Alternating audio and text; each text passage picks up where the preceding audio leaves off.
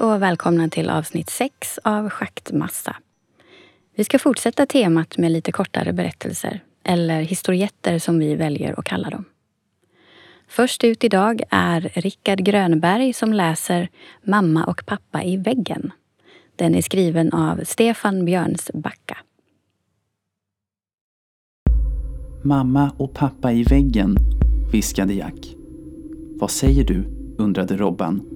Mamma och pappa i väggen, sa Jack lite tydligare den här gången samtidigt som han drog i pyjamasen.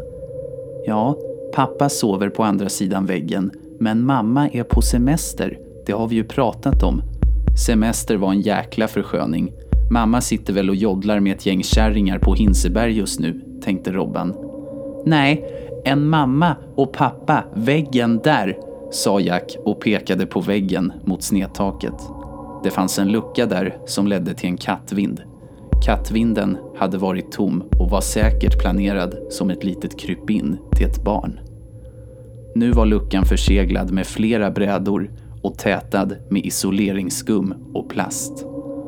Har du varit inne i kattvinden? undrade Robban och såg orolig ut. Men Jack svarade inte. Istället kröp han ner i sängen och drog filten över sig. Endast hans blonda kalufs syntes över kanten på filten. Mamma, pappa, roliga, sa Jack tyst. Sen somnade han djupt. Robban blev sittandes i fåtöljen bredvid den lilla barnsängen och funderade. Vad sjutton menade han? Han kan ju inte ha sett något och jag förseglade den där kattvinden ordentligt. Jag kanske borde ha gjort det här utomhus. Men marken har redan börjat frysa och vi ska ju bara bo här i en vecka. Han viftade bort det som barnsligt strunt och gick ner på nedervåningen och sjönk ner i soffan framför TVn. De hade verkligen inte sparat på krutet i vardagsrummet. Soffan var otroligt mjuk och skön och TVn var så stor att den täckte en stor del av den motsatta väggen. På TVn rullade Efterlyst och Leif GW Persson pratade om kidnappandet av ett barn. Jacks ansikte syntes i rutan med tillhörande nummer som man skulle ringa. Ja, ja, ni lär aldrig hitta honom, tänkte Robban. Han hade sett till att ingen sett Jack sedan han hämtat honom hos familjehemmet. De var nu många mil norr om Stockholm där programledaren hävdade att de troligtvis befann sig. Robert Jönsson är mycket farlig. Iaktta försiktighet om ni ser honom, fortsatte programledaren. En bild från när Robban senast satt i finkan dök upp. Inte så smickrande, tänkte Robban. Jag var så jäkla påtänd när de tog mig att jag ser ut som någon jävla dumskalle. På bilden hade han rakat huvud och ett kortsnaggat, stylat skägg. Det stämde inte riktigt med hans nuvarande utseende. Under den långa tiden på flykt hade han låtit håret växa ut i en tjock kalufs. Även skägget var numera vildvuxet. Lika bra det, tänkte Robban. Då är det svårare att känna igen mig. Robban slog av tvn och lutade sig tillbaka i soffan och somnade. Frukostflingorna krasade när Jack slevade in dem i munnen och tuggade.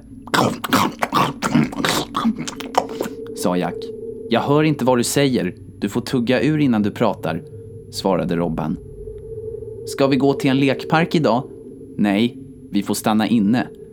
Men vi kan nog hitta något kul. Jag hittade en del kritor i en låda så vi kan rita efter frukost. Det var ett oöppnat paket. Alla barngrejer han hittat hade sett ut som nya. Jack var helt uppslukad av ritblocket, så Robban passade på att planera nästa steg. Han tog fram en kartbok och bläddrade fram till norra Sverige. Planen var att vänta tills Karina släpptes ur finkan och sen ta någon liten obevakad väg in i Finland. Där ska de möta upp Juha som ska fixa falska pass till hela familjen. Förhoppningsvis kan de sen resa vidare till Thailand som var slutdestinationen.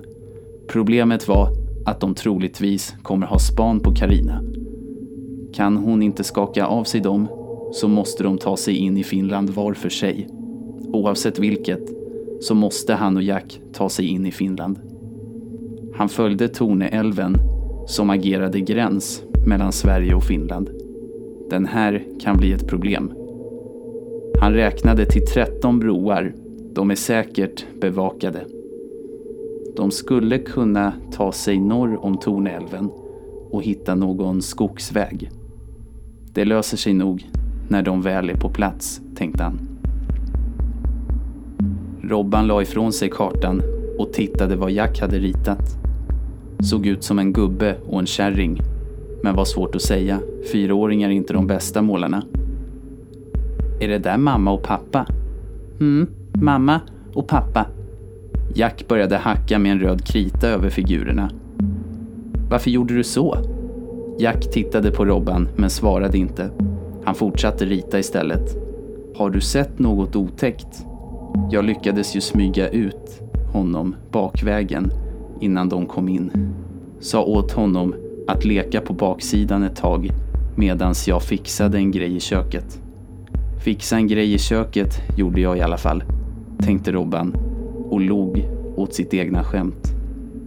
Nej, svarade Jack och ritade vidare. Han verkade åtminstone opåverkad, men man visste inte med småbarn. Kunde vara många tankar som snurrade i huvudet. Kom, vi går ut och sparkar lite boll istället. Robban slog Jack lekfullt på axeln och gick från bordet. Vi håller oss på baksidan, för där finns det ingen insyn från de andra stugorna, tänkte han. Ja, svarade Jack glatt. Han behövde verkligen springa av sig. Jack hade somnat snabbt, men återigen hade han pratat om mamma och pappa i väggen. Han måste ha sett något, tänkte Robban. Förbannat att ägarna skulle dyka upp just då. Vem åker till stugan så här års? Men tur att hammaren låg där på köksbänken. Mannen hade kommit in i stugan först och Robban hade klappat honom så hårt i huvudet att han dog innan han träffade golvet. Kvinnan hade stått med näsan i bakluckan på bilen och inte hört tumultet inne i stugan.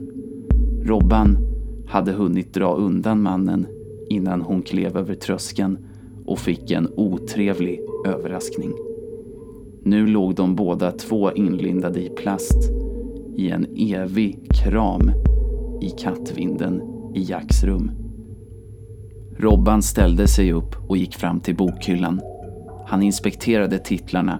Grottbjörnens folk blandades med Stephen King och Jan Guillou. Inte så många deckare, tänkte Robban. Trodde det var allt folk läste nu för tiden.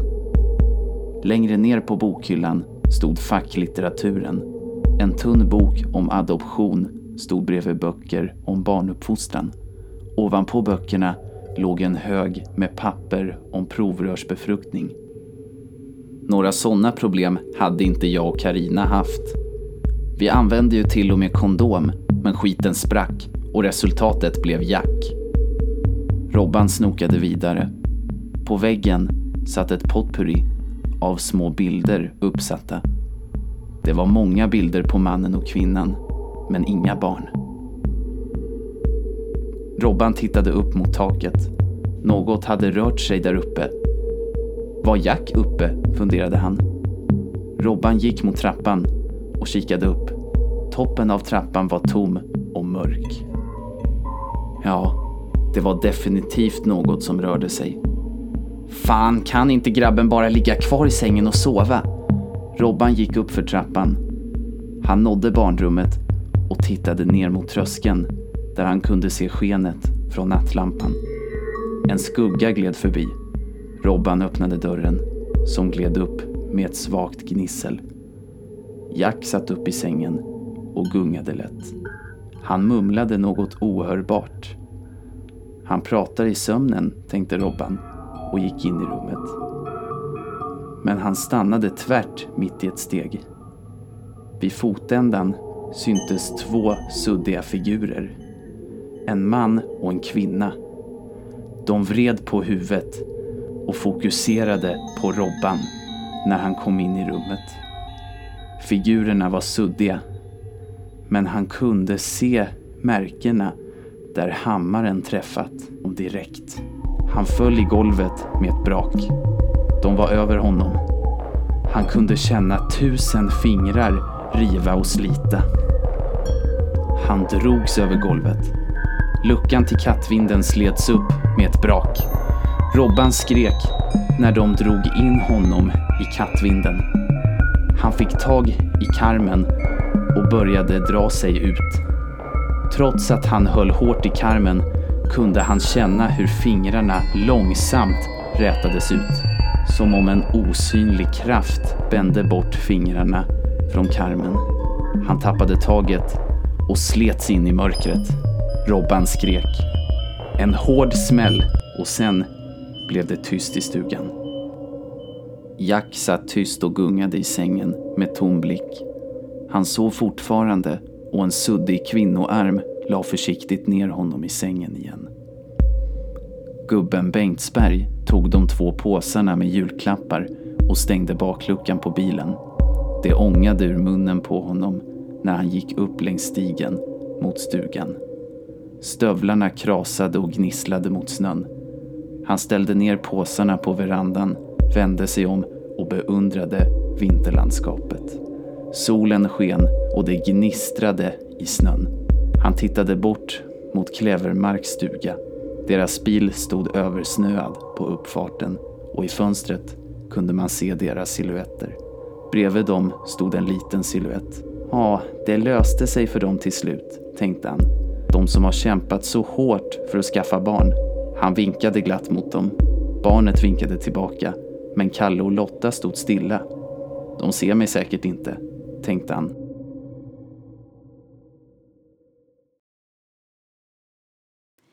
Det var alltså Mamma och pappa i väggen skriven av Stefan Björnsbacka.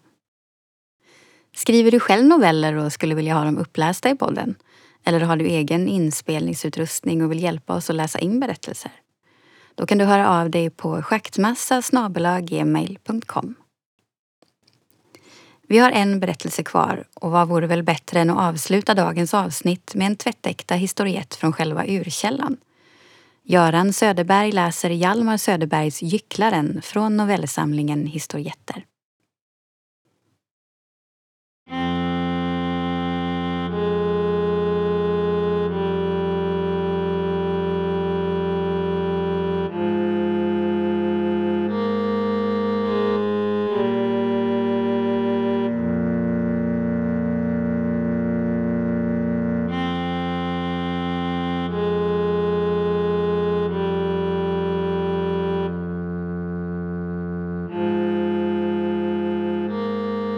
Igår skymtade ett bekant ansikte förbi mig på gatan. Det var blekt och hade ett trött uttryck. Men dragen var skarpa och markerade. Jag kände inte hans namn. Jag var säker på att jag hade sett honom någon gång. Kanske för mycket länge sedan. Men jag kunde inte erinra mig när eller under vilka omständigheter. Hans ansikte hade väckt mitt intresse utan att jag kunde förklara varför. Och jag grävde fram alla slags hågkomster ur mitt minnes skräpkammare för att söka identifiera honom. Men förgäves. På kvällen var jag på teatern. Där återfann jag honom till min överraskning på scenen i en biroll. Han var endast lätt maskerad. Jag kände genast igen honom och sökte efter hans namn i programmet. Jag fann det men det var mig obekant. Jag följde med spänt intresse hans spel. Han föreställde en stackars dum och löjlig betjänt som alla hade till narr. Rollen var lika eländig som stycket och han spelade den inlärt och konventionellt. Men hans röst fick i vissa tonfall en bitter och vass klangfärg som inte hörde till rollen. De ringde för mitt öra, dessa tonfall, ännu sent på natten då jag gick av och an i mitt rum och med deras hjälp lyckades det mig slutligen att gräva upp den erinring med vilken han hörde samman jag fann att vi hade varit skolkamrater, men han var många år yngre än jag. Då jag gick i högsta klassen gick han i en av de lägsta. När jag gick i översta klassen i skolan stod jag en dag i fönstret mot slutet av en frukostrast. Rasterna i skolan hade för mig sin alldeles särskilda splen. Jag kunde inte ta mig för någonting. Jag visste att jag inte kunde min läxa och orkade inte läsa över den. Den smula oro jag kände för den kommande lektionen dövades alltid av en större oro för livet. Av den naglande förkänslan av att de dagar som väntade skulle bli lika tomma och meningslösa som de dagar som gått. Så jag gick av och an med händerna i jackfickorna och kunde inte göra något och emellanåt stannade jag vid fönstret som stod öppet. Medan jag stod där fängslades min uppmärksamhet av ett egendomligt uppträde som försiggick nere på gården strax nedanför fönstret. En liten gosse i en av de nedersta klasserna, ett barn på tio eller elva år, låg utsträckt på ryggen, omgiven av en mängd andra gossar i en ring. Deras ansikten, de flestas åtminstone, hade ett uttryck av elak nyfikenhet som barn och obildade inte förstår att dölja. En liten bredaxlad pojke med utstående kindknotor som gjorde intryck av att vara mycket stark för sin ålder stod innanför ringen med ett spö i handen. Du är min slav, sa han till gossen på marken. Är du inte det? Säg jag är din slav. Jag är din slav, svarade barnet utan att tveka. Det hördes att det inte var första gången han sa det. Res dig, kommenderade den andra.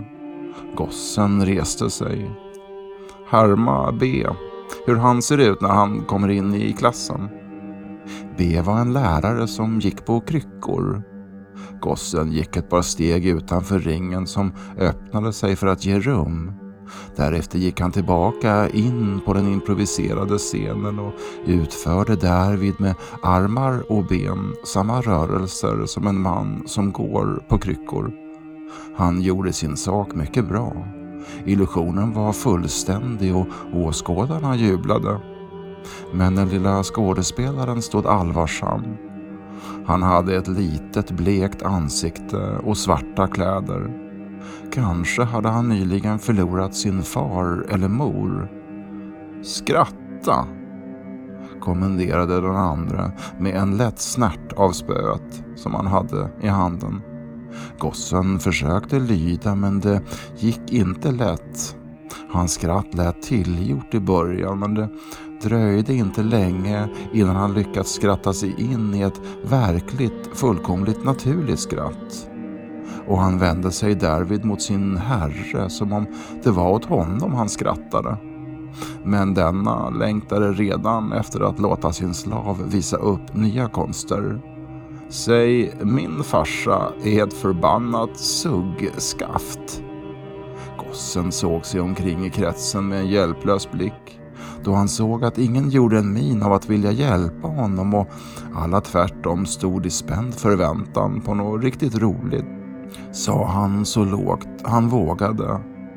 Min farsa är ett förbannat suggskaft. Det blev ett gränslöst jubel. Skratta, gråt. Barnet började härma gråt men han kom också nu in i den sinnesrörelse han var befalld att låtsas. Gråten stockade sig i halsen på honom och han grät verkliga tårar. Låt honom vara, sa en äldre gosse i ringen. Han gråter ju på riktigt. Och i detsamma ringde skolklockan. Några dagar senare sprang han förbi mig på vägen från skolan.